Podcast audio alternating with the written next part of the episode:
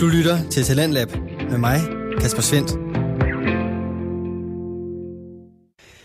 Ja, du lytter til Talentlab, og i aften der skal du lytte til gode råd om feedback, føle uhygge, og så ringer en lytter ind med reklamebrok. Mit navn det er Kasper Svendt, og hver aften der præsenterer jeg dig for forskellige hobbypodcasts. Og hvad betyder hobbypodcast så egentlig? Jo, det betyder, at alle de podcast, jeg sender her i Talentlab, de er lavet i fritiden. I aften, der skal vi høre fra Jakob Lindeberg i podcasten Ledelse Gennemtænkt, samt Broksalongen med Søren Bo Pedersen og Marie Sofie Ilsø. De to podcast har fundet vej til Talentlab, og det kan du også gøre, hvis du sidder derude med din egen fritidspodcast. Hvad den handler om, hvor lang den er, eller hvor tit du udgiver et afsnit, det er der ikke nogen krav til. Du kan sende en smagsprøve på din podcast ved at gå ind på radio4.dk, og så er der en formular derinde, du kan udfylde. Og nu er det tid til aftens første podcast. Ledelse Gennemtænkt er en interview-podcast, som udkommer cirka en gang om ugen. Podcasten er udkommet siden marts i år, og siden da der har Jakob Lindeberg udgivet 23 afsnit i podcasten. Jakob Lindeberg arbejder som restaurantchef, og så har han altså podcasten Ledelse Gennemtænkt ved siden af. Og med det her emne omkring ledelse, jamen der ligger podcasten sig tæt op af Jakob Lindebergs hverdag og hans arbejde som chef. Jakob Lindeberg ser sig selv som en uselvisk og empatisk, men også resultatorienteret leder. Det er både vigtigt for ham, at han selvfølgelig rammer de fastsatte mål, men også at han gør det med en stor medarbejder tilfredshed. Ellers så mener han, at han har fejlet som leder. I hvert afsnit af podcasten Ledelse Gennemtænkt, der interviewer Jakob Lindeberg en ny gæst. De gæster, de bidrager alle med nye vinkler, og så giver de deres råd med til, hvad god ledelse er, ifølge dem. Og netop de råd og nye vinkler er grunden til, at Jakob Lindeberg startede podcasten Ledelse Gennemtænkt. Her er, hvordan han selv fremlagde, kan man sige, grunden til opstarten i første episode, som altså er tilbage fra foråret 2019. Og her kan du høre ham sige følgende. Jeg kan fortælle, at jeg er blot en helt almindelig mellemleder i en større kæde, og jeg prøver at søge en større forståelse for mekanismerne inden for ledelse. Derfor håber jeg, at du vil tage mig med på den her rejse, hvor jeg med en stor portion nysgerrighed vil forsøge at blive klogere på, hvordan jeg bedst kan navigere rundt gennem den her jungle, som, som ledelse til tider kan føles som, og forhåbentlig, så bliver jeg en bedre version af mig selv som leder. Det vil jeg blandt andet gøre ved at snakke med nogen, som har en hel del større viden end mig, og en masse gode erfaringer. I sæson 1 her vil vi blandt andet diskutere, hvilke konsekvenser det kan have, at, at ledelseuddannelse det ikke er obligatorisk. Og så skal vi dykke ned i, om vi på helt optimal vis implementerer forandringer i vores virksomhed. Jeg vil også forsøge at blive klogere på, hvordan du som mellemleder takler den her stressepidemi, som, som tror mere end nogensinde. Og så spørger jeg om talentprogrammer i virksomheder, det nu er så fantastisk en idé. Og så vil det næste måned gå i mindfulness-træning med min mindfulness-coach Bjarne Nybo, og finde ud af på egen krop, om det har en positiv effekt, og hvordan jeg kan bruge mindfulness som ledelsesværktøj i hverdagen. Det er blot nogle af de emner, som jeg tager op i min podcast, og jeg har været så heldig, at jeg har fået lov til at snakke med blandt andet bestsellerforfatter og ledelseskonsulent Torben Vise, forfatter og ledelsesrådgiver Annette Prehn, og forfatter og underviser i ledelse Andreas Kærgaard, og direktør ved lederne Vibeke Skytte. Du lytter til Talentlab med mig, Kasper Svendt. Jakob Lindeberg i tagesætter her et af de elementer, som kan drive en hobbypodcast, nemlig nysgerrighed. I dette afsnit af Ledelse Gennemtænkt, som vi skal høre her i aften, der har han rettet sit nysgerrige blik mod feedback-kulturen i de danske virksomheder. Det gør han ved at interviewe Morten Melby, som er medstifter af Feedwork. De arbejder med rådgivning af feedback til de forskellige danske virksomheder. Og Morten Melby, han har en fortid i militæret, og det er der hans fascination fra den gode feedback-kultur, den stammer fra. De to mænd, de kommer blandt andet med gode råd til at give og modtage feedback, og så gennemgår de, hvordan man kan bruge den gode feedback til at lære og udvikle os selv. Og det er altså ikke kun som leder eller medarbejder, men det er også som mennesker. Så tag et lyt til Ledelse Gennemtænkt, og så får du de gode værktøjer til, hvordan du bruger feedback i din hverdag.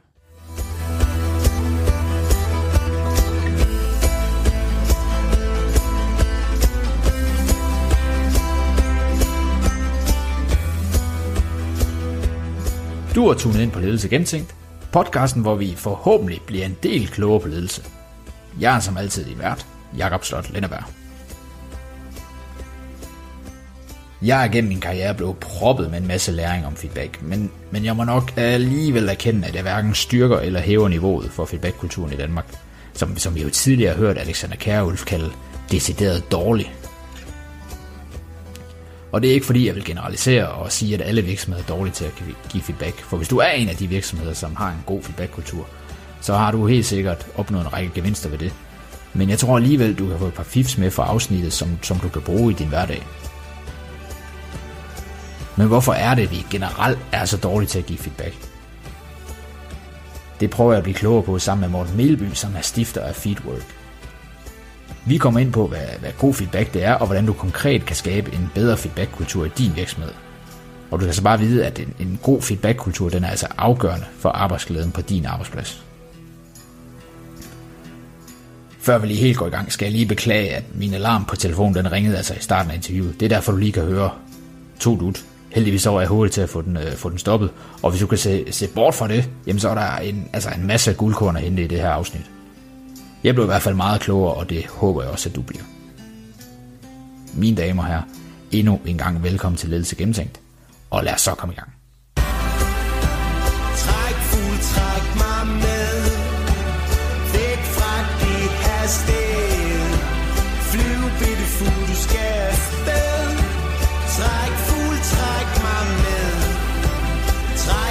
Træk mig med Væk fra det her sted Flyv, bitte fugl, du skal afsted Flyv, fugl, det går i ring, i ring, i ring, i ring, i ring Hej Morten. Hej Jakob. Tusind, tusind tak, fordi du vil være med i min, øh, i min podcast for at snakke om noget, som, som forhåbentlig enhver leder kender til, og forhåbentlig arbejder med til, til daglig, nemlig, øh, nemlig feedback. Og øh, vi kommer lidt ind på feedbackkulturen i Danmark, og hvad god feedback er, og hvordan man skaber en god feedbackkultur i sin virksomhed, det skal vi også snakke om. Men, øh, men allerførst, kan du ikke give lytterne en kort præsentation af dig selv, og fortælle, hvad du egentlig går og laver til daglig? Jo, det kan jeg da selvfølgelig godt, og mange tak, fordi du, øh, du vil have mig med her. Øh, jeg kan altid godt lide at fortælle om, om mit yndlingsemne. Og øh, min baggrund for, for at interessere mig meget for feedback, det er, at jeg kommer fra, øh, fra en baggrund som officer i flyvåben og som øh, elite sportsatlet i det, der hedder militær femkamp. Og det var begge to nogle steder, hvor vi brugte rigtig meget feedback til at, feedback og træning, de to ting sådan set. Så man trænede og fik noget konstant feedback, øh, og, og det blev meget, det var noget, jeg satte stor pris på i hvert fald. Og så, da jeg ikke længere var i de miljøer, så kom jeg til at gå og tænke over herude i, i det civile studie- og arbejdsliv. Øh, jamen, hvad i alverden er det, øh, der er så unikt? Og hvorfor er det, feedback kan være så svært? Og hvorfor er det, at mange af os ikke oplever at få måske den mængde og kvalitet af feedback, som vi godt kunne tænke os? Og så startede jeg øh, firmaet her, Feedwork, sammen med en anden tidligere officerskollega. Og det er jo ved at være fire år siden snart. Og nu er vi fire partnere, der render rundt og uddanner og træner og kører de her organisationsudviklingsprocesser med forskellige kunder i, i Danmark og Skandinavien. Mm. Og ligesom hjælper og støtter og træner folk i, hvordan er det, man angriber det her med, med at tage en feedback-samtale, sådan set helt basalt. Hvad er gode ting at gøre, og hvad er dårlige ting at gøre, og hvad er det for nogle organisatoriske ting, der også kan være en udfordring for, at feedback rigtig kommer til at flyde og blive produktivt. Mm. Nå, men helt perfekt. Jamen, lad mig egentlig bare starte ud med at spørge dig ganske kort. Hvorfor feedback? Jamen, jeg, jeg kom til at tænke på det her, øh, her i går aftes, og der tænkte jeg sådan to sider af det her. Den ene side kan man sige på modtagersiden. Lad os sige, øh, du sidder som leder et sted. Hvorfor skal du gå op i at få feedback og modtage feedback? Og, øh, og der er det jo det her med, at man siger, at information is power. Og jo mere man ved om sin ansatte, jo lettere har du ved at styre. Jo bedre et kort og terræn har du, og, øh, og kan udøve din ledelse ud fra. Mm. Så det er sådan, det er sådan en side på, på ledersiden. Og udover det, så som organisation, så giver det nogle rigtig gode læringsmuligheder. Altså hvis vi har nogle, øh, nogle gode informationsveje, nogle gode vaner for det her feedback, og vi får delt synspunkter, observationer og læring, der bliver delt i organisationen, så, øh, så er det altså lidt lettere at flytte os lidt hurtigere og lave lidt færre fejl undervejs. Mm. Hvordan vurderer du sådan generelt feedback-kulturen i Danmark så? Ja, jeg vil sige det sådan her, at øh, den har et potentiale. Altså vi ligger i et område, øh, os danskere og skandinaver, hvor, at, hvor vi har nogle muligheder, vi har nogle gevinster, hvis vi får det til at fungere, men jeg vil også sige, at vi er langt fra at være i mål. Mm. Øh, altså der, der er en for stor del af, af pænhedskultur øh, i vores arbejds øh, kan man sige, den måde vi tilgår mennesker på.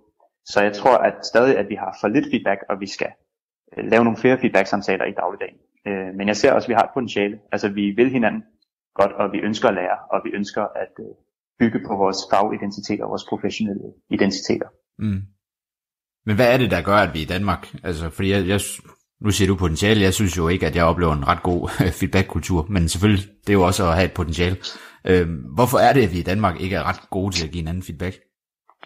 Det kan jeg godt forstå, og det er også øh, det, er også det der er lidt sjovt her. Det er meget lokalt specifikt, altså hvad status er på den her feedbackkultur. Det kan være i meget små grupper og organisationer, der har meget store forskelle, selvom de, lad os sige, de var naboer øh, i, i et kvarter, ikke? så kan de have meget forskellige kulturer øh, lige dør om dør. Men man kan sige, at det ene det er det her med, at øh, vi i Danmark lærer, at vi skal være, vi skal lære vores hjerner. Ikke? Altså vi er et videnssamfund. Vi skal, vi skal ikke producere på, øh, eller konkurrere på produktionskraft, vi skal konkurrere på viden, og det betyder også, at folk tager lange uddannelser og gør meget, investerer meget personligt i at øh, identificere sig med vores fagspeciale. Øh, og det gør, at når vi så skal ind og give feedback på det her faglige, kan man sige, og det der reelt bare er mit arbejde, hvad jeg er journalist, bankmand eller videnskabsmand, så føles det som om, at, at det går på min person. Ikke? Altså vi har meget øh, smalle grænser for, hvad er vores fagidentitet og hvad er min personlige identitet. Mm. Så har vi også en øh, stor grad af pænhedskultur. Nogle kalder det, i øh, litteraturen kan man kalde det OCB's, øh, Organizational Citizenships Behavior, som er sådan noget med, at vi vil gerne opføre os ordentligt, når vi er på arbejde på en eller anden måde. Og jeg gider ikke at blive anset af mine kollegaer som, som værende en dårlig kollega, eller ham der, der altid øh, kommer med kritiske øh, synspunkter og sådan noget der.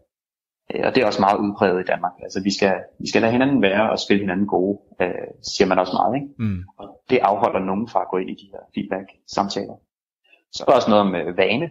Altså mange, øh, særligt, øh, hvad kan man sige, mine forældres generation og, før, det har sådan et eller andet intet nyt og godt nyt dogme. Altså det er sådan noget, mange mennesker tror på, og mange mennesker er vokset op med i deres arbejde. Ikke?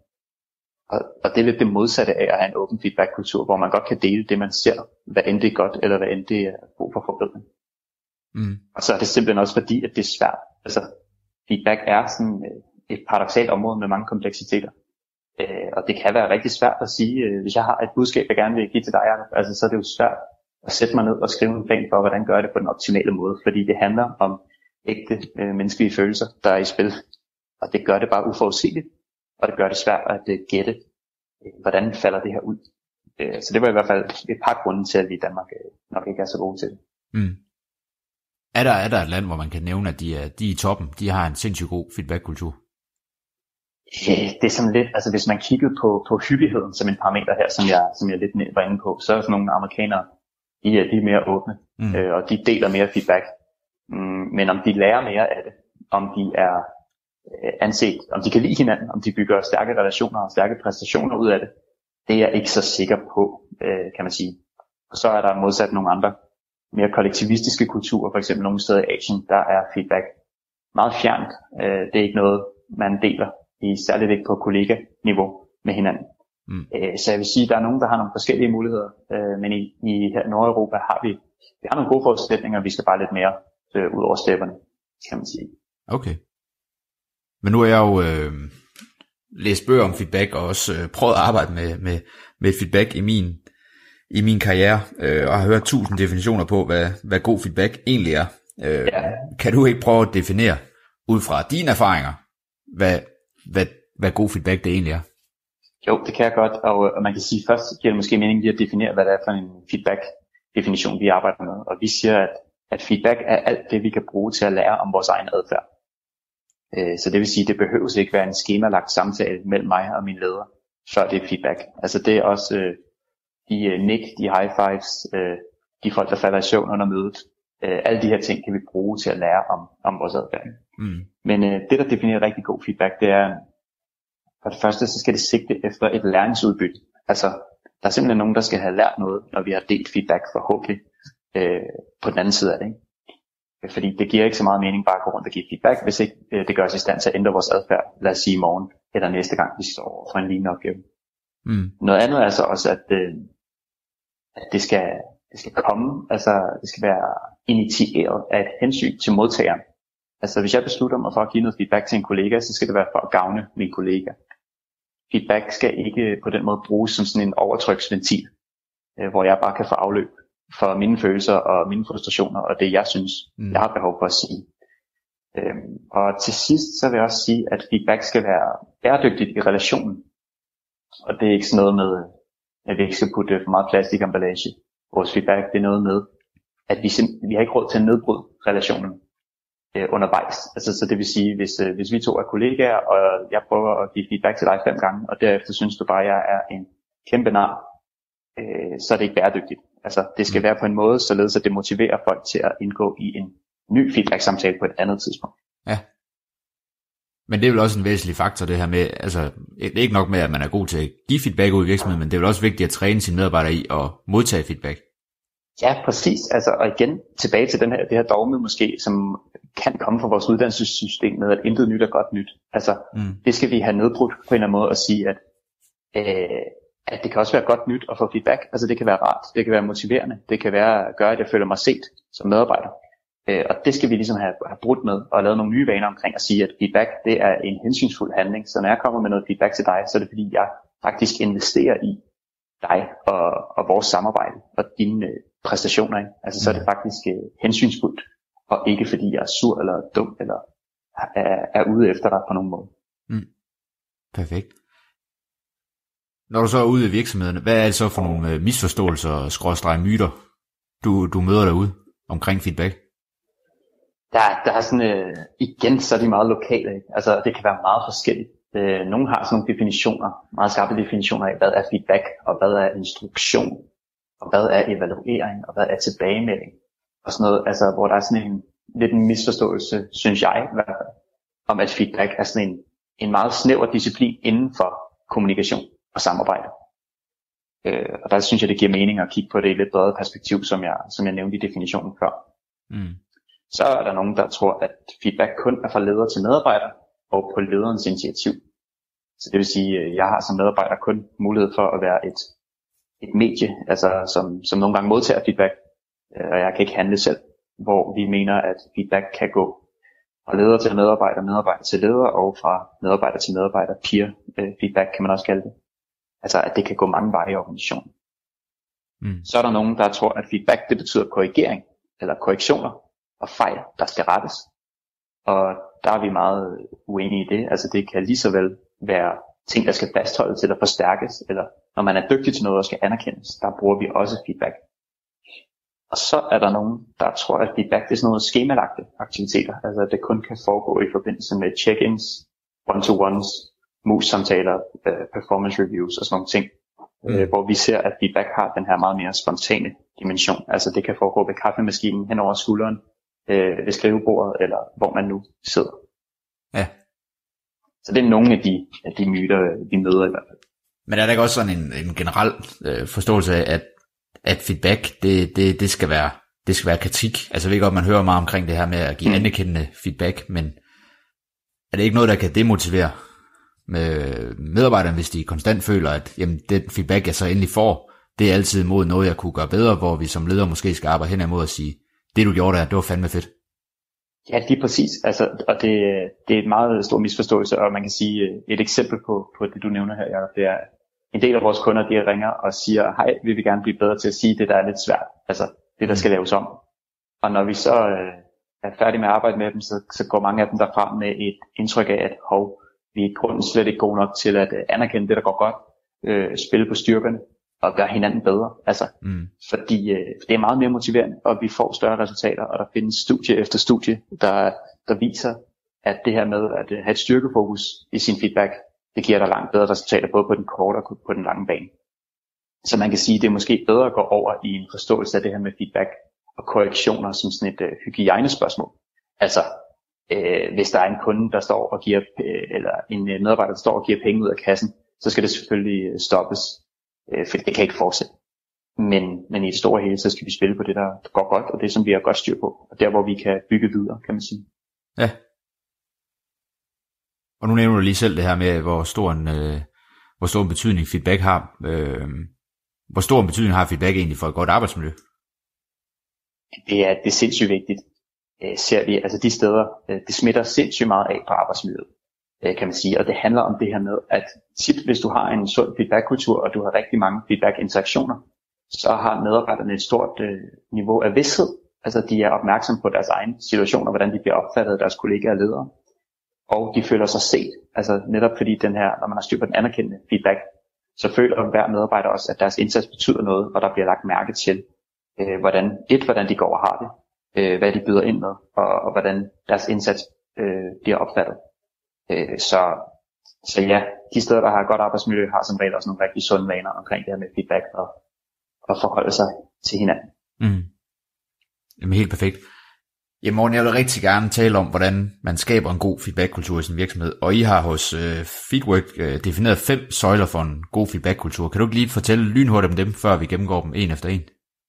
Jo, det kan jeg godt. Altså, og det, det kom så af, at vi prøvede at kigge på, at der er nogle ting i kulturerne, som øh, indvirker rigtig kraftigt på, hvor, hvor stor succes man har med feedback.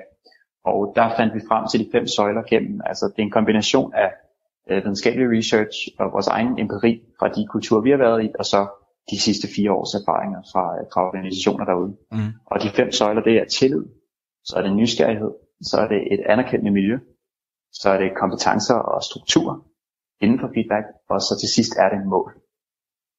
Øh, og hvis man har styr på, på de fem ting, så har man nogle rigtig gode vilkår for, at feedback det kan leve og, og blomstre, ja. så at sige.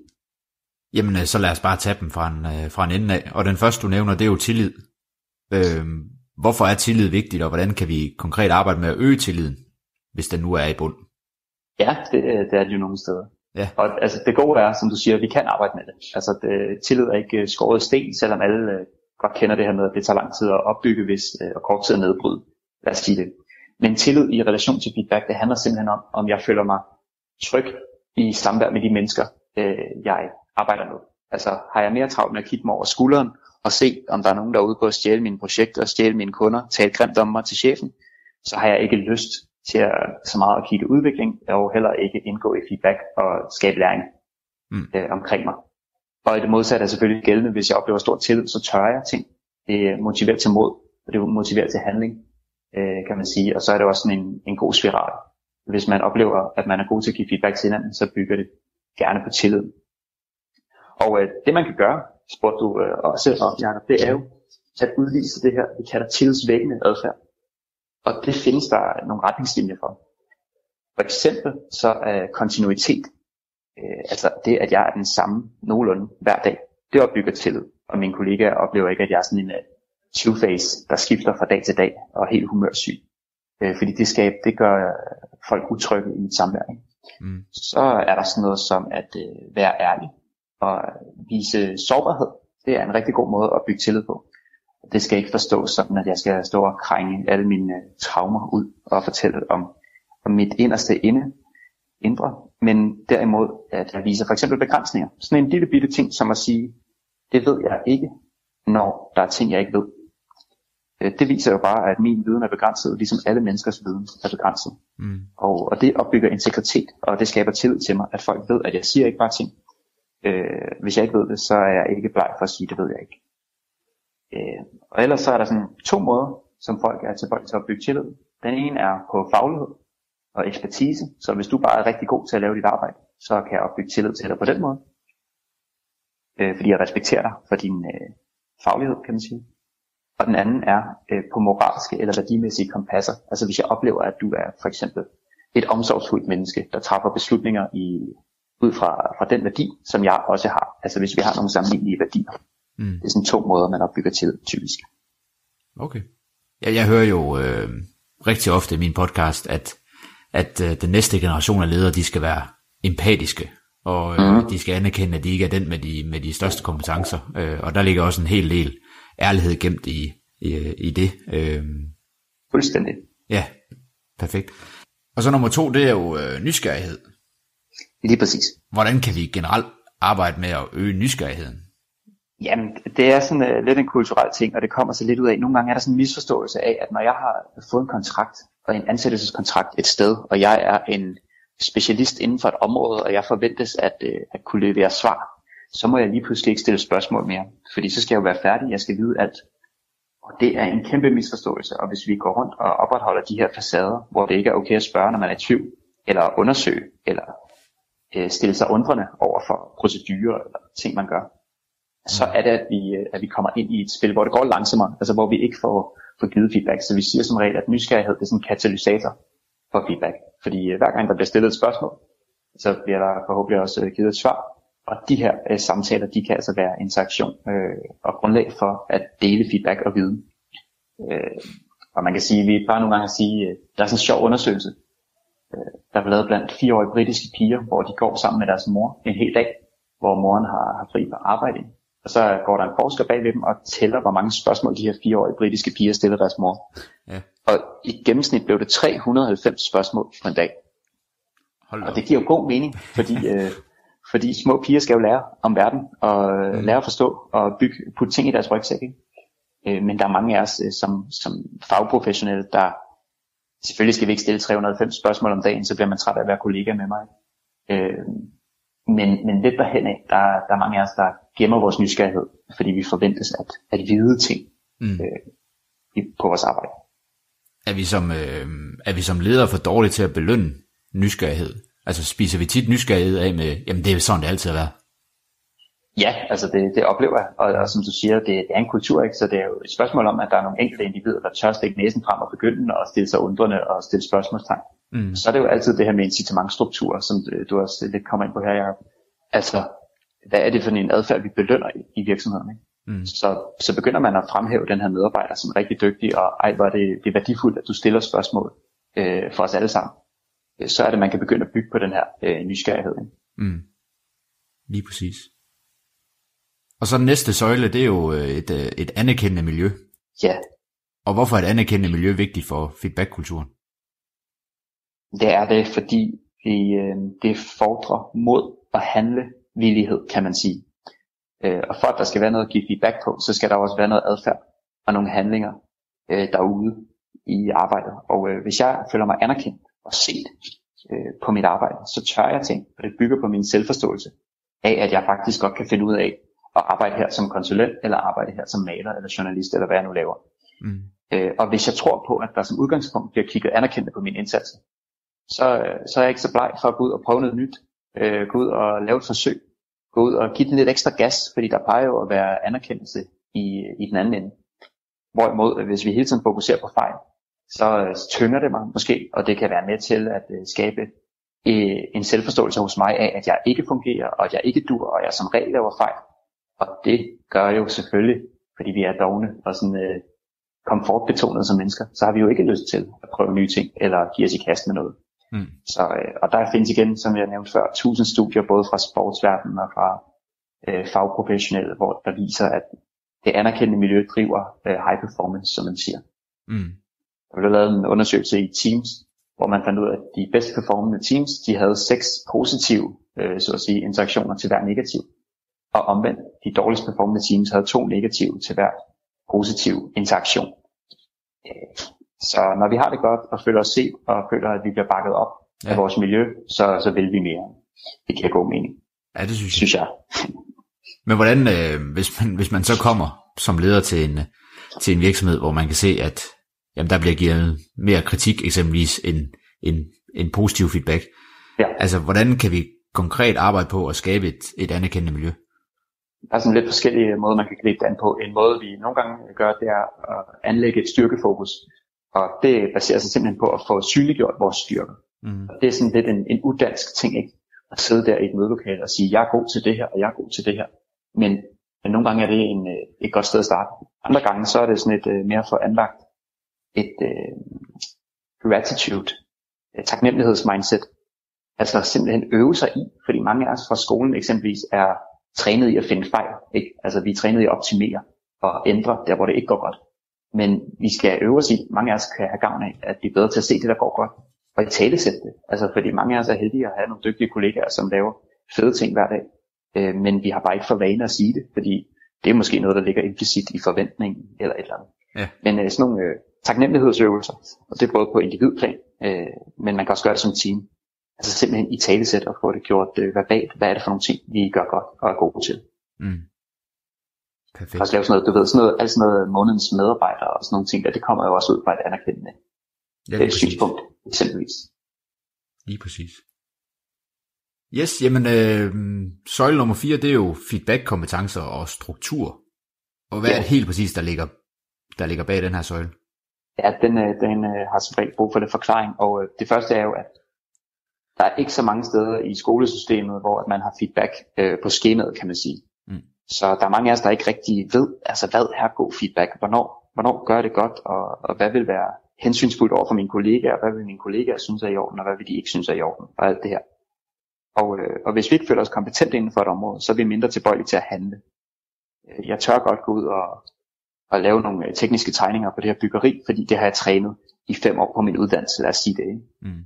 Øh, og det omvendte, det med feedback, hvis jeg ikke ved, hvad der er god feedback, og jeg ikke har nogen øh, succes, track record, øh, så er det jo svært at gå ud og, og gøre noget for mange af os. Så vi skal selvfølgelig træne, og det er der mulighed for sådan at ændre på med øh, uddannelse, efteruddannelse, kurser, lytte til podcaster og de her ting. Ikke? Så kan man gå ud og øve sig og få et kendskab til, hey, hvornår er jeg egentlig god, og hvad, hvad skal jeg sigte efter med det her feedback. Mm. Og struktursiden, det kommer så af, at, øh, at vi skal have det bygget ind i hverdagen. Altså feedback skal være en del af den måde, vi går til hinanden på i vores daglige samarbejde. Og det nytter ikke at, øh, at forvente, at folk sidder på deres arbejdsplads og går og koncentrerer sig om deres faglighed. Og så lige pludselig kommer i tanke om, gud, jeg skal da også have givet noget feedback i dag. Det fungerer ikke på den måde. Altså, Nej. vi er nødt til at bygge det ind i forbindelse med nogle møder, i forbindelse med noget projektstyring, i forbindelse med reviews, hvis man skriver kode, eller du ved, det skal være en del af dagligdagen, så vi støder ind i det. Øh, man taler meget om det her system 1 menneske, ikke det dogne menneske, som er sådan en vanedyr. Mm. Der skal vi simpelthen som organisation have etableret nogle vaner for feedback. Så at øh, feedbackkulturen kan være dels noget med de her formelle tidspunkter, øh, struktureret feedback, og når de uformelle dele der, der foregår ved kaffemaskinen eller spontant hen over skrivebordene. Lige præcis. Jamen det, det giver rigtig god mening. Jeg snakkede med, med lektor ved DTU, Christine Ibsen, i sæson 1 på et tidspunkt, som sagde, at ledere er jo sindssygt gode til at systematisere driften, hvor hun Ja. så godt kunne tænke sig, at jamen, hvorfor ikke på samme måde systematisere det relationelle til sine medarbejdere? Det er præcis. Det er, det er faktisk en, en del, vi bruger ret meget tid på Mm. at få systematiseret det her. Og, og det, der skræmmer nogle folk, er, at det kan virke lidt mekanisk i starten. At sætte sig ned og sige, nu er der, nu er der feedback, eller nu skal vi kigge på, hvad gik godt i går, eller hvad gik godt den sidste uge. Øh, Mm. og, og det er uvandt for mange, men det kan der være stor, stor effekt i. Mm. Ja, hvilke konkrete værktøjer kan vi så kan vi så bruge for at øge vores feedback-kompetencer, både som, som den, der giver feedback, men også øh, modtager? Der kan man sige, øh, der, der er nogle forskellige øh, metoder, man kan bruge på hver side. Hvis vi skal starte på modtagersiden, så er der nogle, øh, der handler det om at holde os åbne og føle sig duelige i forhold til feedback. Så det vil sige, når jeg går ud i verden, så er der masser af muligheder for at få noget feedback. Jeg skal bare være åben for det, kan man sige. Mm. Øh, og, og det her med at holde mig åben, og holde mig i læringsrummet, og ikke lade mig blive fornærmet eller frustreret, eller måske investere mine følelser for meget i det. Øh, det er nogle, nogle ting, man kan lære at styre. For eksempel sådan noget som øh, meditation og mindfulness er faktisk ret øh, øh, effektivt i forhold til at, at have emotionel kontrol, som øh, påvirker læring rigtig meget. Mm. En anden ting er simpelthen at sige øh, for sig selv, øh, hvem synes jeg er troværdig, og hvem synes jeg ikke er troværdig, og sådan noget. Og føle sig duelig. Altså sige, øh, jeg bestemmer et eller andet sted selv, hvad jeg har lyst til at lære af den feedback, jeg får. Så der er, nogle, der er nogle forskellige metoder, man kan øve sig i, at, Mm. at, at holde sig åben, så at sige. Og på giversiden, der kan man gå ud og sige, der kan man for eksempel træne modeller, altså sådan i starten. Det er ikke fordi, jeg siger, at modeller kan løse det hele. Men det kan være godt at have lænet sig op af, øh, lad os sige det. Øh, og der arbejder vi for eksempel med, med sådan en tretrinsmodel. Øh, det er sådan ret typisk, hvis man kender AID eller SBI-modeller, så er det sådan lidt af det samme, det kan man google sig til. Men det er simpelthen en måde at opbygge sådan rent formuleringsmæssigt sin feedback. Mm. Og ellers så kan man sige, at en af de bedste feedback-kompetencer, som, øh, som jeg kan sige til folk, det er, øh, hvis man er autentisk, og hvis man kan vise, at jeg vil dig det bedste, Jacob, så kan jeg sådan set, øh, hvis det skinner tydeligt igennem, så kan jeg sige min feedback på næsten, næsten hvilken som helst måde. Mm. Fordi det vil være tydeligt for dig, at det var velment, og at jeg vil dig øh, det bedste og noget nyt. Ikke? Jo. Så det find, altså, der findes masser af kurser og materiale, man kan læse på, sådan rent konkret, hvad er det for nogle kompetencer, der ligger der. Men sådan noget som selvindsigt og anlægge et styrkefokus, det er to øh, rigtig, gode, mm. rigtig gode ting. Men er det simpelthen, øh, og det er bare noget, der lige kommer, mm. kommer til mig nu, altså tænker vi feedback som en del til at optimere øh, driften, eller opnå nogle resultater frem for personlig udvikling? Det kan, det kan gå på begge sfærer, helt sikkert. Mm. Og tit er det lettest at starte med at optimere driften. Altså, hvis man bliver rigtig god til at have de her små samtaler om, hvordan bliver vi bedre, hvordan får vi øget produktiviteten, og hvordan får vi gjort kunderne lidt gladere. Mm. Øh, hvis man bliver god til det, og det bliver naturligt at tale om, så er det også lettere at drage over i det personlige, altså, eller det samarbejdsmæssige, kan man sige. Det mm. sociale mellem os. Okay, men, men hvordan er du så en rigtig god kollega for mig? Og hvordan kan jeg være en bedre kollega for dig? Mm. Øh, fordi det svære her, det er jo, at tit inden for fagligheden og inden for driften, der er der nogle fælles rammer. Altså, hvis vi sælger 100 øh, i morgen, og vi solgte 50 i går, så er det jo godt. Ikke? Ja. Øh, men inden for samarbejde, der skal vi skabe rammerne. Der er det subjektivt. Altså det handler om, hvornår synes jeg, du er en god kollega? Og det er det, der er virkelighed. Det står ikke i en bog. Altså du ved, man kan ikke slå op, øh, hvem er den gode kollega. Nej. Øh, og det gør det lidt sværere. Okay. Jamen øh, lad os tage den, øh, den sidste søjle, og det er jo øh, mål. Øh, ja. Hvorfor er det vigtigt for feedback-kulturen at sætte mål? Ja, fordi øh, nogle gange så siger folk sådan, skal vi bare give feedback hele dagen? Og det skal vi jo selvfølgelig ikke. Vi skal jo nogle steder hen med det her. Og feedbacken skal bringe os nogle vejen. Og, øh, og den bedste måde at gøre det legitimt på at skabe en fælles retning, det er at have nogle accepterede mål i blandt kollegaerne, eller i sit team, eller sin afdeling. Fordi hvis jeg så giver feedback til dig, når jeg ved, at du har et mål om at øh, være mere struktureret, lad os sige det, så ved jeg, at det er noget, du selv har erklæret som et mål. Og når jeg giver feedback ind til det, så vil det være hensynsfuldt. Ikke? Mm. Og, vi, og vi kridter ligesom banen op. Så mål er med til at gøre feedback legitimt. Øh, der kan man både arbejde med sådan præstationsmål, som er sådan lidt mere KPI-agtigt. Det er der sikkert mange, der har arbejdet med, de her Key Performance Indicators. Mm. Øh, men det kan også være læringsmål. Altså hvis vi to arbejder tæt sammen som kollegaer, så kan jeg fortælle dig, at jeg ønsker at blive bedre til øh, mit øh, stærkere på engelsk, lad os sige det, mit engelske sprog. Så når vi to er ude og undervise sammen, så kan du kigge på, hvornår var jeg god til engelsk, og hvad for nogle afdelinger kunne jeg øve mig lidt mere på. Mm. Øhm, så, så det vigtige er her, at målene bliver accepteret. Øh, fordi hvis målene bare er befalet fra øverste sted, I skal sælge så mange her, og jeg synes det er totalt urealistisk, så hjælper det ikke noget. Nej. Øh, men accepteret mål, det kan være rammen for vores feedback. Altså kan vi sige, i forhold til at nå vores mål, så har jeg lagt mærke til øh, A, B, C. Mm. Det gør det meget lettere øh, at acceptere at drive, drive feedback og gode præstationer, kan man sige. Mm. Jeg sidder lige og tænker nu, hvad, hvad er i dine øjne den største barriere for, for en god feedback-kultur ude i, øh, ude i virksomheden? Fordi altså, jeg har hørt flere gange i, i, øh, i podcasten, at man skal sætte mere tid af til det relationelle, men man oplever også bare rigtig mange virksomheder derude, som har et driftsmæssigt fokus, som, som stjæler fokus fra alt andet. Kan man argumentere for, at tid er en, en, en afgørende faktor for, at vi ikke får opbygget en god feedback-kultur ude i virksomhederne? Jeg oplever, at tid bliver sådan et dække, dække spørgsmål i forhold til konfliktskyhed eller nogle af de andre ting, der gør det lidt svært. Ikke? Mm. Øh, selvfølgelig øh, kræver feedback nogle gange, at man, man observerer. Altså supervision er jo super vigtigt i forhold til at lægge mærke til, hvordan præsterer vi. Øh, men jeg oplever lidt, at det bliver dækket nogle gange. Og, og der, hvor det fungerer rigtig godt, det er jo, når feedbacken bliver øh, snedet ind i vores drift, fokus. Altså, så feedbacken bliver gjort øh, ufarlig, og det bliver gjort til en helt naturlig del. Hey, nu når vi lige er øh, mødet har varet en time, vi bruger lige tre minutter her på til sidst at optimere. Mm. Øh, de fleste kan tage tre minutter ud af et øh, times møde, for lige at samle op på de læringer, der har været øh, omkring, lad os sige, mødepraksis eller sådan noget. Øh, og der kan man, hvis man er interesseret i det her, så kan man øh, læse lidt mere ind i øh, et begreb, der hedder lærende organisationer, som, øh, som er sådan en, øh, et begreb for, hvordan man indbygger læring i det at samarbejde. Mm. Vi mange af os samarbejder og går til en masse møde, men vi udnytter måske ikke øh, de situationer rigtigt til at skabe de her feedback overlevering eller fokusere på læring. Mm. Så, øh, så du har ret, altså, og mange gemmer sig lidt bag det her, jeg har ikke tid. og det er sikkert også rigtigt, at nogen ikke har tid, men der er en del, der godt kunne finde nogle huller til feedback. Det er mit, ja. det er mit uh, syn på det i hvert fald. Ja, jeg kan godt forestille mig, at det handler rigtig meget om prioritering, men man, jeg hører også ja. bare tit ledere, der siger, jamen jeg har faktisk ikke tid til at lede.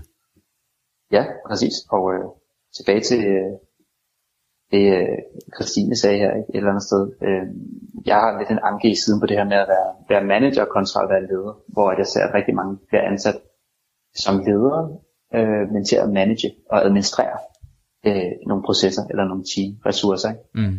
Hvorimod at øh, den her ledelsesmæssige del, den bliver under, underprioriteret, og mange, øh, mange ledere i Danmark, det kan jeg også se, og den møder dem hele tiden.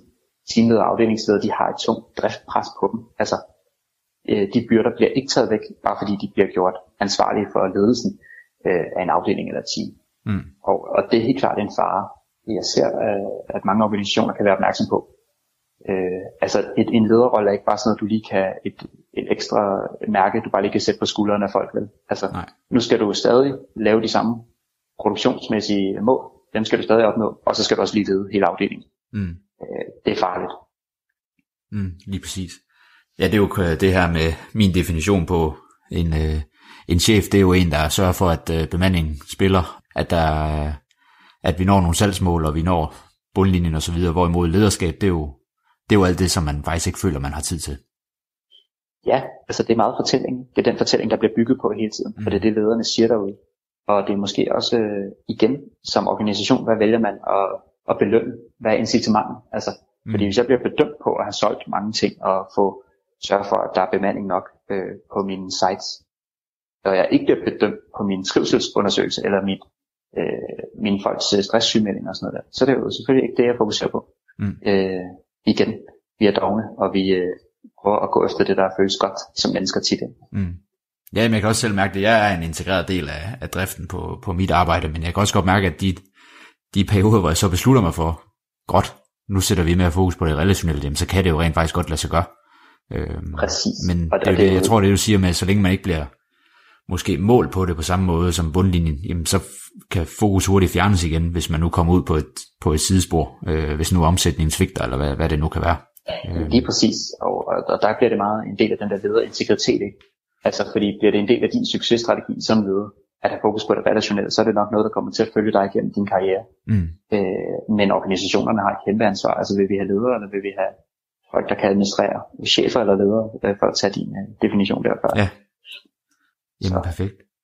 Jamen øh, hvis nu jeg kommer ud til en virksomhed, hvor jeg skal starte helt fra bunden af med at opbygge en god feedback-kultur, og jeg ved ikke, om vi skal tage udgangspunkt i søjlerne, men, men, men hvor starter jeg så?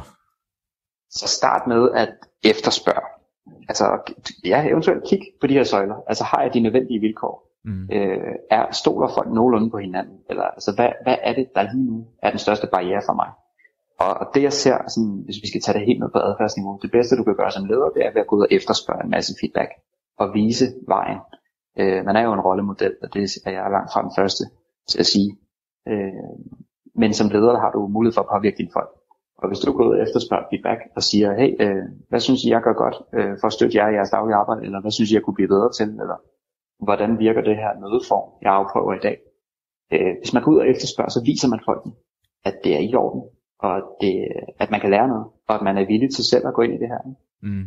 Øh, så starten er efterspørg feedback. Øh, og så anlægge et styrkefokus, det, det er mest øh, ufarlige til at starte med. Mm. Øh, gå ud og så lægge mærke til, hvad gør dine folk godt, og fortæl dem det. Øh, og bede dem om at fortælle hinanden også, ja. når, de, når de ser noget fedt. Fordi det gør de mange gange. Vi er bare ikke lige vant til, eller trænet at lægge mærke til det så tit. Mm. Og nu øh, bruger jeg det her spørgsmål som sådan nok lidt en, en uh, opsummering af det, vi har snakket om. Men hvis en virksomhed har en fantastisk feedback-kultur, hvad er det så, der adskiller dem fra de, de virksomheder, der måske har det modsatte? Jamen mange, mange af dem, som har en fantastisk uh, feedback-kultur, de, de, de ved det næsten ikke selv. Det lyder dumt, det her. Mm. Men det føles bare som en naturlig del af den måde, man samarbejder på og vi oplever al den her tillid, og vi føler os trygge på vores arbejde, og vi tør ting, og vi forholder hinanden vores præstationer og vores samarbejde. Øh, og altså det vi nogle gange siger, øh, som feedback kan drive, det er altså stærkere relationer, og det gør, at jeg har lyst til at komme på arbejde, fordi folkene betyder noget for mig, og jeg føler, at jeg bliver set og værdsat af mine kollegaer. Mm. Øh, det er en ting. Og den anden ting er stærkere præstationer. For det er simpelthen en genvej til at lære ting. Hvis jeg får feedback 10 gange om dagen, så får jeg 10 nye punkter, jeg kan bruge til at, til at ændre min praksis eller forbedre mit produkt. Og det er da meget bedre end at have øh, en mus samtale om året, eller hvad det nu øh, er for nogen. Ikke? Mm. Øh, så dem, der kan, de har stærkere relationer, bedre trivsel og stærkere præstationer. De bevæger sig hurtigere, de lærer mere. Mm. Og så ved de det tit ikke selv. Nej. det er det, der er det lidt, lidt sjovt. Det er sådan en blind, blind side, ikke? Nå, men Jo. det er jo bare noget, vi gør. Ja, det er det jo bare. Jamen det er jo det her med at være, hvis man tager ledelsesteorien, at være ubevidst kompetent. Lige præcis. Øhm, så det er jo en hel del træning, der skal til, for at man når op på det, på det punkt. Det er det. Mm. Det er det. Og så er det vedholdenhed, ikke? Og kultur. Og hvor ligger kulturen? Jamen, Mm. det ligger i, i de handlinger, vi foretager fælles. Ja. Og hvis min gamle lærer, han hørte mig lige nu, så er jeg stolt af, at jeg kunne lige kunne nævne det. Øh, Ja, men det, jeg synes også, det var, det var en skarp kobling, det der. Jeg er glad, jeg er glad for, at du bragte det. Ja. Så øh, perfekt. Øhm, så lige inden vi afslutter, så vil jeg gerne lige over, og vi har snakket lidt omkring det her med performance reviews og mus-samtale. Øhm, Ja. Men jeg snakkede tidligere på sæsonen med Magnus Black, som er CEO ved Duo, som netop øh, øh, hjælper virksomheder med et øh, fantastisk softwareprogram til at, at systematisere det, at det er relationelle eller feedbackmøder osv. Hvor han mener, at øh, vi bør redefinere den årlige mus-samtale, øh, fordi det er alt for omfattende, at vi gemmer et års vurdering af en medarbejder til den her ene samtale. Øh, han kalder den faktisk øh, gammeldags. Hvad er din holdning til mus-samtale i sin nuværende form, som vi kender den med, at det er en del af overenskomsten, og medarbejderne skal have en om året, som vi nok ser hyppigst. Ja, men altså, øh, jeg hader mus-samtaler i den der opfattelse. Altså decideret. Jeg synes, det er så dumt. Mm. Øh, og jeg synes, det er så useriøst. Og jeg synes, det skaber nogle rigtig, rigtig ringe vilkår for læring. Jeg er sådan lidt... Øh, feedback er selvfølgelig mit, mit øh, fokusområde, men jeg elsker læring. Altså, og hvis man forestiller sig en anspændt leder og en anspændt medarbejder, der mødes i et mødelokale en gang om året, og skal tale om udvikling og performance og sådan noget her, det giver ingen mening, fordi sandsynligheden for, at øh, medarbejderen sidder og tænker, hvornår går det over, hvornår er det slut, hvornår er det slut, det er ubehageligt, ej, ej, ej, jeg kan ikke lide mus-samtale, øh, er meget større, end at de øh, tænker, ej, øh, hvor spændende, hvornår kan jeg lære noget, hvordan kan jeg gøre det bedre? og sådan noget her. Mm.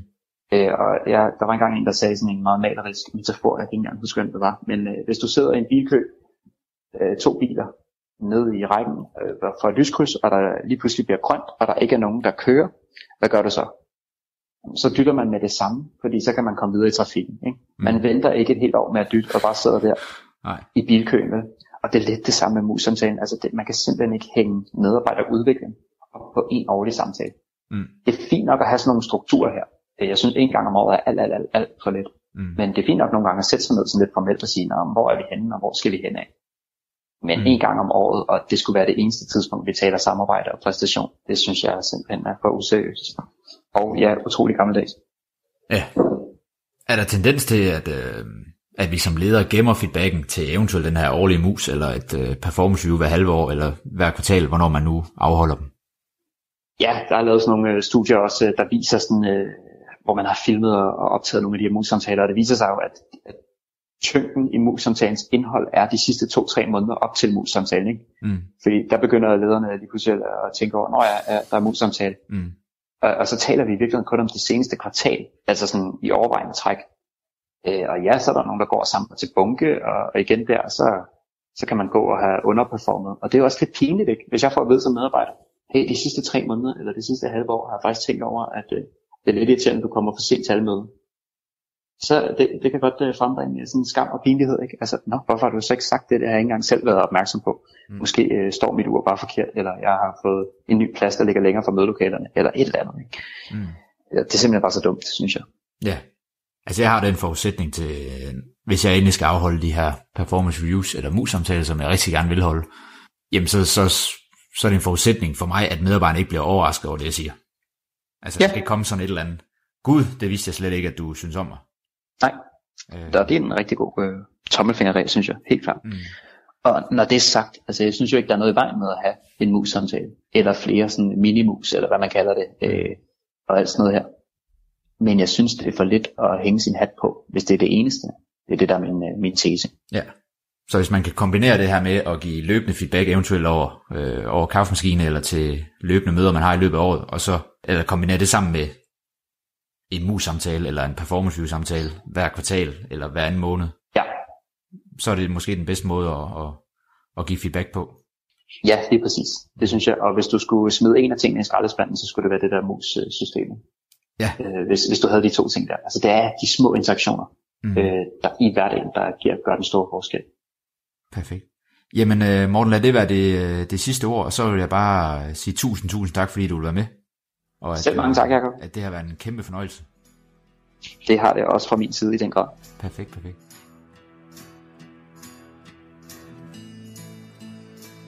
Har du tænkt over løbet af afsnittet, hvorfor du måske ikke er så god til at give feedback? Føler du, at du mangler tiden til opfølgning og feedback, eller synes du bare, det er svært at give til dine medarbejdere eller kolleger? Der synes jeg bare, at vi skal huske på, at feedback ikke kun er kritik, men langt hen ad vejen også er, er positive, rosende ord i dagligdagen. Og her kan vi jo passende vende tilbage til episoden med Michael Kamp omkring positiv psykologi, som, som jo i høj grad fokuserer på, hvad der er gået godt, men også hvorfor det er gået godt. Og i afsnittet siger Morten jo også, at, at feedback er mere motiverende, hvis det i stedet handler om at spille hinanden bedre ved at fokusere på styrkerne frem for svaghederne. Og så kunne jeg godt tænke mig at høre, hvad, hvad I gør i jeres virksomhed for at sikre en god feedbackkultur, eller, eller hvilket potentiale I måske har. Afholder I ofte performance-samtaler og krydder det med daglig feedback? Eller afholder I mus-samtaler en gang om året, hvor et helt års indsats bliver evalueret? Gå endelig ind på Instagram, Facebook og LinkedIn, hvor vi, øh, hvor vi diskuterer videre. I skal enten bare søge på ledelse gennemtænkt, eller også så følge links i show notes. Men vil du som lytter gerne evaluere eller forbedre din virksomheds feedbackkultur, jamen så kommer vi jo meget konkret ind på, hvordan det kan gøres med de fem søjler. Og det er helt sikkert et værktøj, jeg vil bruge til at finde ud af, hvilket potentiale vi har i min virksomhed. Du kan i hvert fald gå ind og læse meget mere om de fem søjler på www.feedwork.dk, hvor de også har en podcast, du kan høre, eller små videoer, du kan se omkring, hvordan du skaber en, en sund feedbackkultur. Og så i næste episode, der vender vi snuden mod et helt andet emne. Jeg skal nemlig tale med Laura Vilsbæk Olsen om, hvordan vi får flere kvinder i ledelse. For rent faktisk viser det sig, ud fra en undersøgelse fra 2019, at 7% af CEO-posterne i større danske virksomheder som Carlsberg Novo Nordisk, de er besat af kvinder. 7%. Er det overhovedet muligt at få det tal op på 50%, eller kæmper kvinderne forgæves mod en, mod en fasttømret forestilling om, at mænd har specifikke kompetencer, som kvinder ikke har? Ja, det var lidt af en cliffhanger, det ved jeg godt, men det må jeg så vente med at høre til næste uge. Mine damer og herrer, det her det var endnu et afsnit af Ledelse Gennemtænkt. Tusind, tusind tak, fordi du lyttede med. Træk fuld, træk mig med Væk fra det her sted Flyv, bitte fugl, du skal afsted Træk fuld, træk mig med Træk fuld, træk mig med